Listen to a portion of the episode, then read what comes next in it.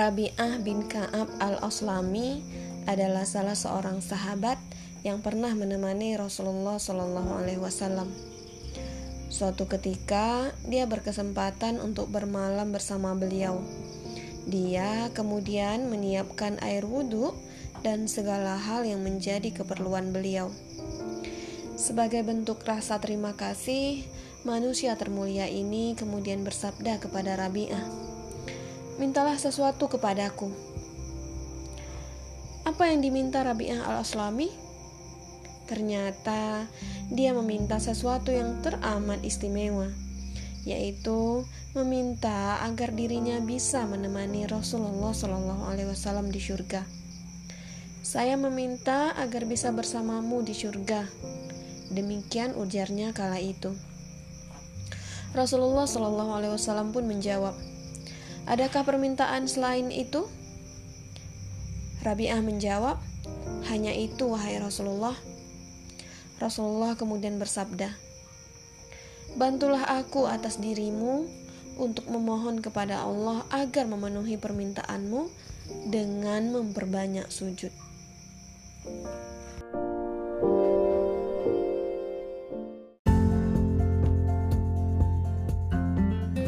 Diriwayatkan oleh Tirmizi dari Ibnu Abbas radhiyallahu an bahwa Rasulullah pernah menasihati anak-anak. Apabila engkau menginginkan sesuatu, mintalah kepada Allah. Apabila engkau menginginkan pertolongan, mintalah kepada Allah. Apabila seluruh manusia berkumpul untuk mencelakaimu, mereka tidak akan mampu mencelakaimu sedikit pun kecuali atas kehendak Allah.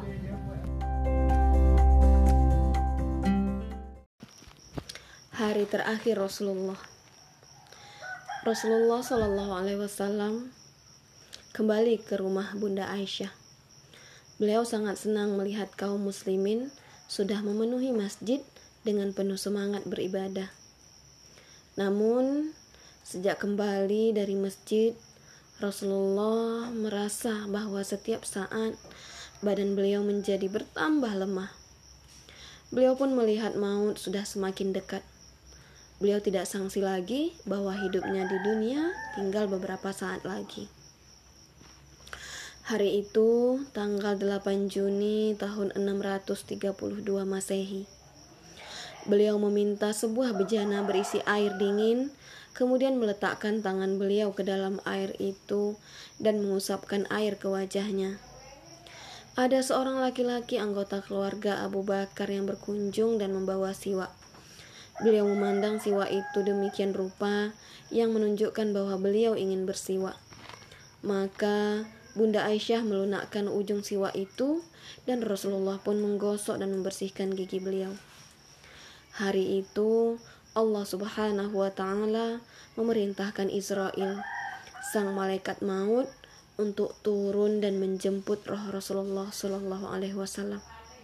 Fatimahlah yang membukakan pintu untuk sang Israel dan sangat terkejut ketika mengetahui siapa yang datang itu. Dengan suara melengking sayu, Fatimah menangis. Duhai, akan meninggal kiranya penutup para nabi. Duhai bencana, akan berpulang kiranya orang takwa terbaik. Dan akan lenyaplah pemimpin dari segala tokoh orang suci. Ah malangnya, Pasti terputuslah wahyu dari langit. Akan terhalanglah aku dari mendengar kata-kata ayah mulai hari ini. Dan aku tidak pernah lagi mendengarkan salam ayah sejak hari ini. Rasulullah Shallallahu Alaihi Wasallam menghapus air mata putrinya itu. Kemudian beliau tersenyum dan berbisik, Ya Fatimah, janganlah menangis sebab engkaulah anggota keluargaku yang pertama akan menyusulku. Dan kemudian malaikat maut pun dipersilakan masuk.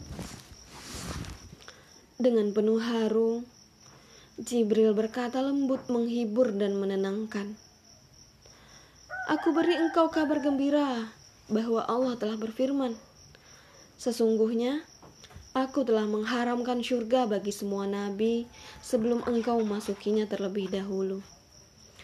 Allah mengharamkan pula surga itu kepada selain umat manusia sebelum umatmu terlebih dahulu memasukinya.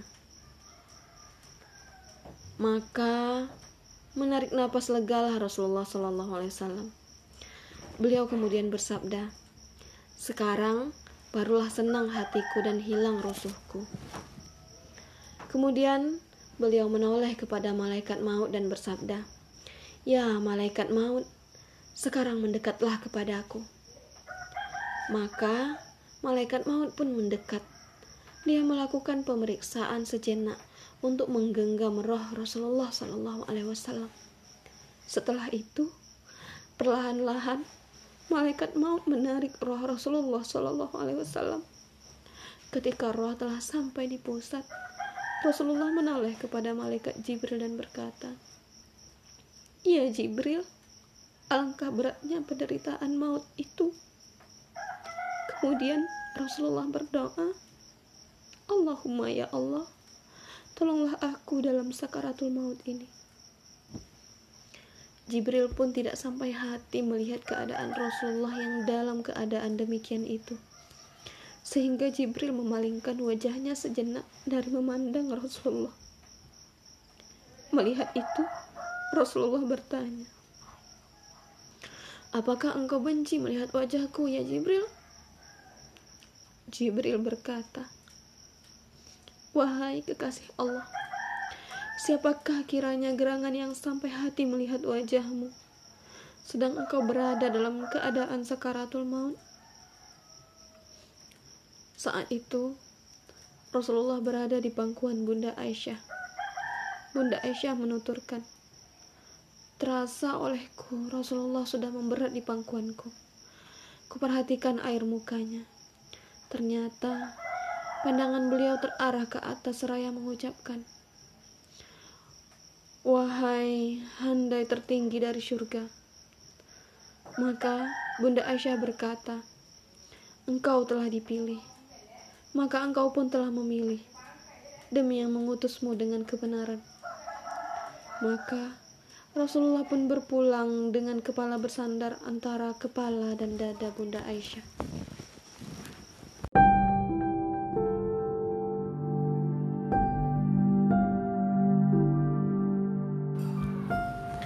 seolah mendung menutupi udara Madinah yang cerah. Rasa duka yang memancar dari rumah Bunda Aisyah membuat seolah langit telah runtuh menimpa kaum muslimin. Kini mereka telah kehilangan Rasulullah Shallallahu Alaihi Wasallam dan pemimpin tercinta yang disayangi dan menyayangi mereka.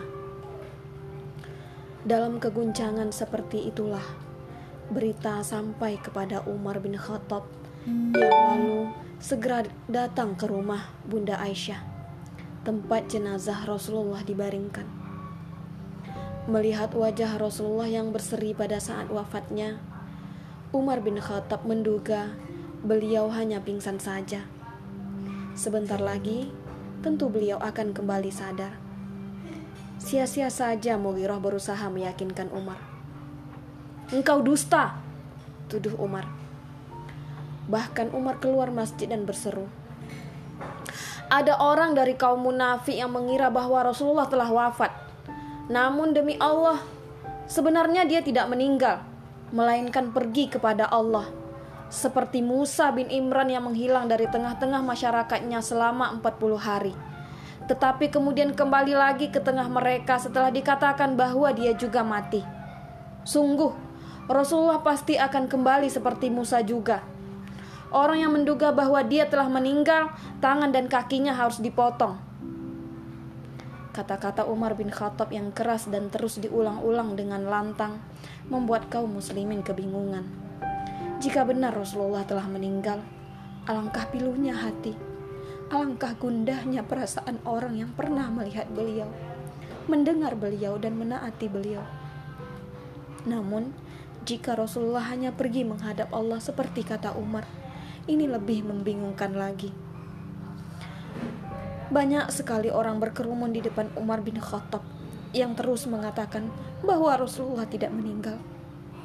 Maka, sedikit demi sedikit, mereka mulai percaya bahwa Rasulullah tidak meninggal, sebab belum lama berselang Rasulullah masih bersama-sama mereka.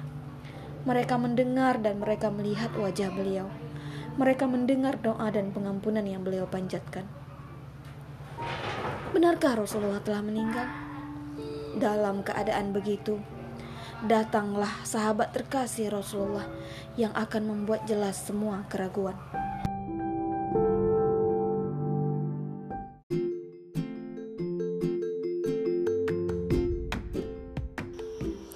Rasulullah yang sederhana. Suatu hari, Bunda Aisyah pernah ditanya oleh Urwah bin Zubair bin Awam, keponakannya. Wahai Bibi, Bagaimana Bibi dan Rasulullah bisa hidup jika pernah tiga bulan tidak ada api dinyalakan di dapur kalian? Bunda Aisyah menjawab, dengan kurma dan air. Hanya saja Rasulullah Wasallam mempunyai tetangga-tetangga kaum Ansor yang memiliki banyak kambing. Mereka memberi Rasulullah susu kambing-kambing itu, lalu kami dapat minum darinya.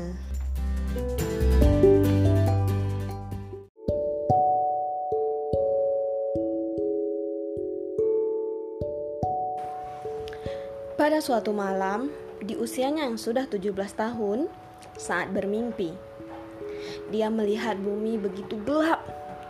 Tidak ada setitik cahaya pun yang menyinari.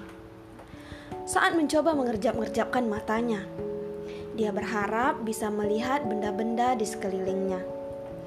Namun, tak ada apa pun yang terlihat. Dia seperti buta. Keadaan itu membuat Saat merasa sangat cemas dan takut. Di tengah kebingungannya, saat kemudian melihat cahaya terang di langit yang membuat bumi menjadi terang. Cahaya itu ternyata berasal dari bulan purnama. Saat itulah saat melihat tiga sahabat yang sangat dikenalinya. Abu Bakar, Zaid bin Harithah, dan Ali bin Abi Thalib berjalan di hadapannya mengikuti cahaya tersebut. Melihat tiga orang yang dikenalnya itu, sangat-sangat senang karena merasa dia tidak sendirian. Tapi sekejap kemudian, tiba-tiba cahaya bulan lenyap berikut tiga sahabatnya.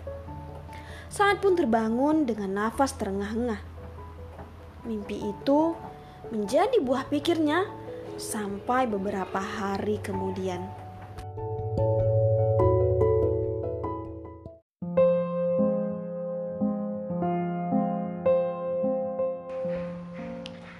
suatu hari, setelah beberapa hari mimpi yang selalu diingat-ingatnya itu, Abu Bakar pun datang ke tempatnya bekerja dengan membawa berita bahwa telah datang seorang rasul utusan Allah mengajak manusia menyembah Allah yang esa.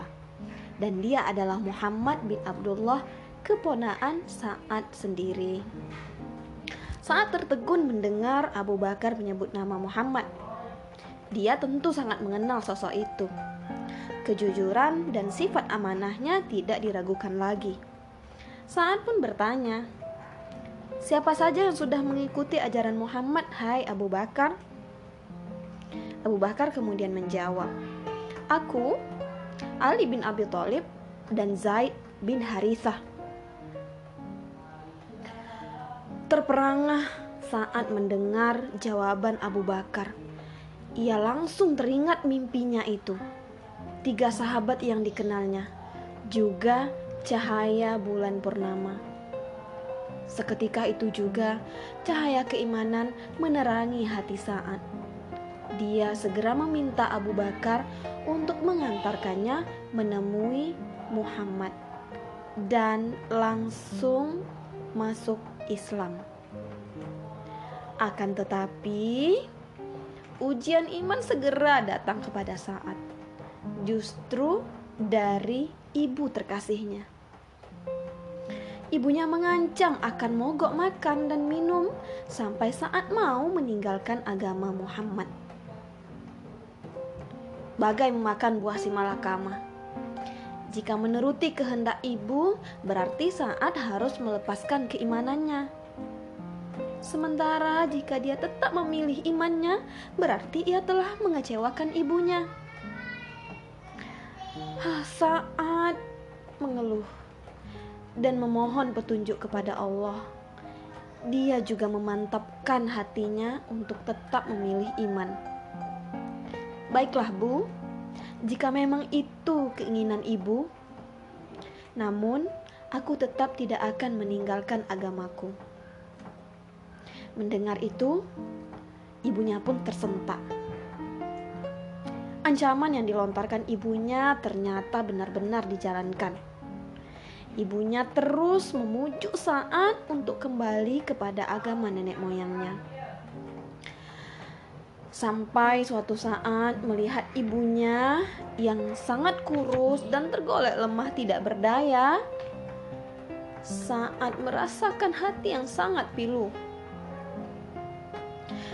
Dalam keadaan seperti itu pun, ibunya tetap kekeh meminta saat keluar dari ajaran Muhammad. Wahai ibu, demi Allah aku sangat mencintai ibu. Namun, cintaku kepada Allah dan Rasulnya melebihi cintaku kepada dunia dan seluruh isinya. Sungguh, seandainya ibu mempunyai seratus nyawa, lalu nyawa-nyawa itu keluar satu persatu, tidaklah aku akan meninggalkan agama ini. Maka terserah ibu mau makan atau tidak. Air mata ibu saat mengalir. Melihat keyakinan yang tak tergoyahkan ini, hati ibunya pun luluh dan mau menerima pilihan saat.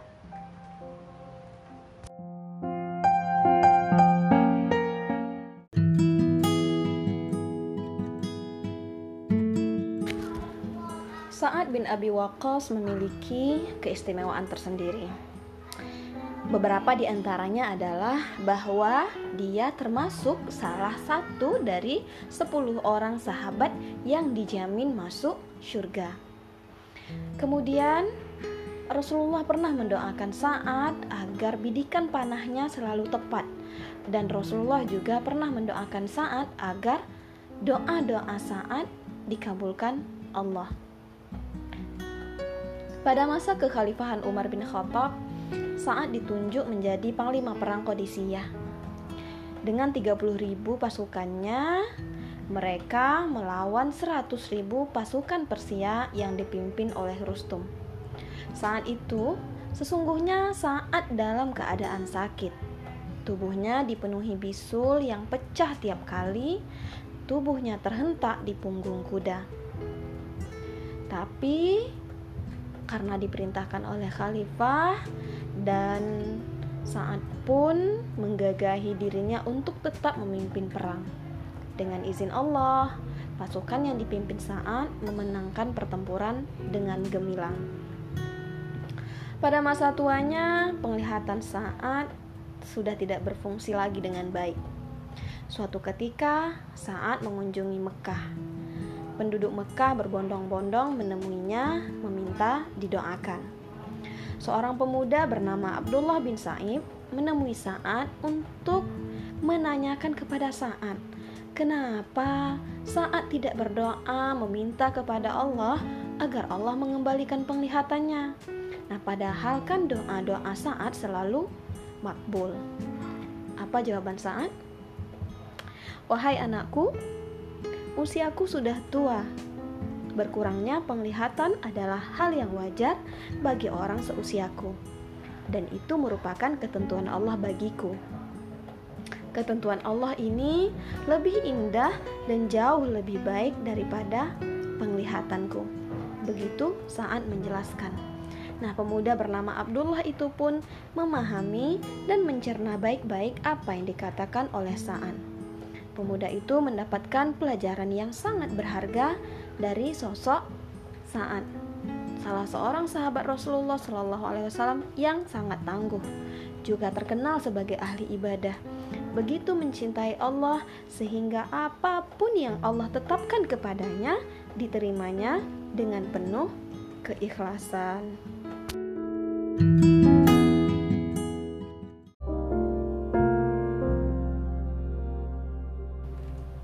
Pada tahun ke-54 Hijriah menjadi tahun yang penuh duka cita.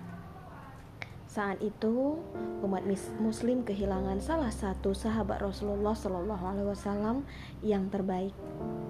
Pada saat pagi menjelang, Saad bin Abi Waqqas menghembuskan nafas terakhirnya di usianya yang ke-80 tahun. Di antara para sahabat dari kaum muhajirin, Sa'ad adalah yang terakhir wafat. Sesuai wasiatnya, saat dikafani menggunakan jubah lusuh kesayangannya yang dipakainya saat bertempur melawan musuh Allah di perang Badar. Setelah disolatkan, jenazah saat diarak menuju pemakaman Baki di Madinah. Di pemakaman inilah banyak syuhada dimakamkan, sehingga pemakaman ini dikenal sebagai Taman Makam Syuhada.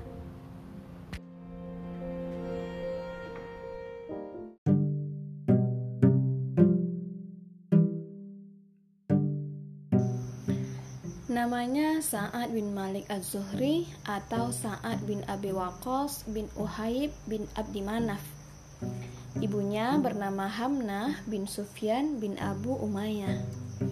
Secara garis keturunan, Sa'ad adalah paman Rasulullah Shallallahu alaihi wasallam dari pihak ibu. Orang tua Sa'ad adalah bangsawan yang kaya raya. Di rumah orang tuanya, saat hidup bergelimang kesenangan dan kemewahan. Namun, semua kesenangan itu tidak melenakan saat. Dia bahkan tumbuh menjadi pemuda yang berpikiran dewasa. Saat tidak suka bermain-main seperti pemuda sebayanya. Dia lebih suka melakukan pekerjaannya sebagai pembuat peralatan perang. Selain jago dalam memanah, saat juga ahli menunggang kuda. Meski dilahirkan dan dibesarkan di antara para penyembah berhala, saat sangat membenci kebiasaan tersebut. Dia heran melihat masyarakat Mekah menyembah patung yang tidak bisa melakukan apa-apa.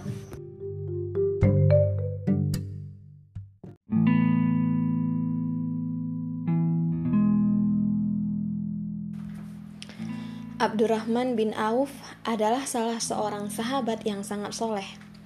Dia masuk Islam saat awal dakwah Rasulullah Shallallahu Alaihi Wasallam. Dia juga turut berjuang membela Islam, seperti saat perang Badar dan perang Uhud. Suatu hari, Abdurrahman bin Auf sedang puasa. Ketika tiba waktu berbuka, pembantunya menyuguhkannya berbagai makanan lezat. Namun saat hendak makan, Abdurrahman malah termenung Wajahnya tampak bersedih. Mus'ab bin Umair telah syahid saat perang Uhud. Sedangkan dia lebih baik dariku. Dia hanya dikafani dengan sebuah kain pendek dari bulu domba. Jika kepalanya ditutupi dengan kain itu, kedua kakinya tampak terlihat dan jika kedua kakinya ditutup, kepalanya tampak terlihat. Hamzah bin Abdul Muthalib juga telah syahid dan dia lebih baik dariku. Lalu kenikmatan dunia dibukakan lebar-lebar kepada kami. Kami khawatir pahala amal-amal kebaikan kami telah disegerakan kepada kami di dunia.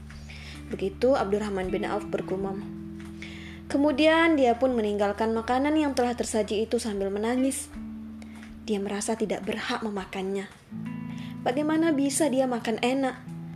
Sedangkan ada banyak orang yang menurutnya jauh lebih berhak. Mereka lah yang selalu berjuang untuk Allah Subhanahu wa taala.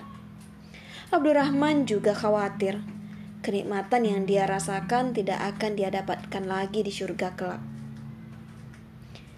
Sumber dari hadis riwayat Al-Bukhari.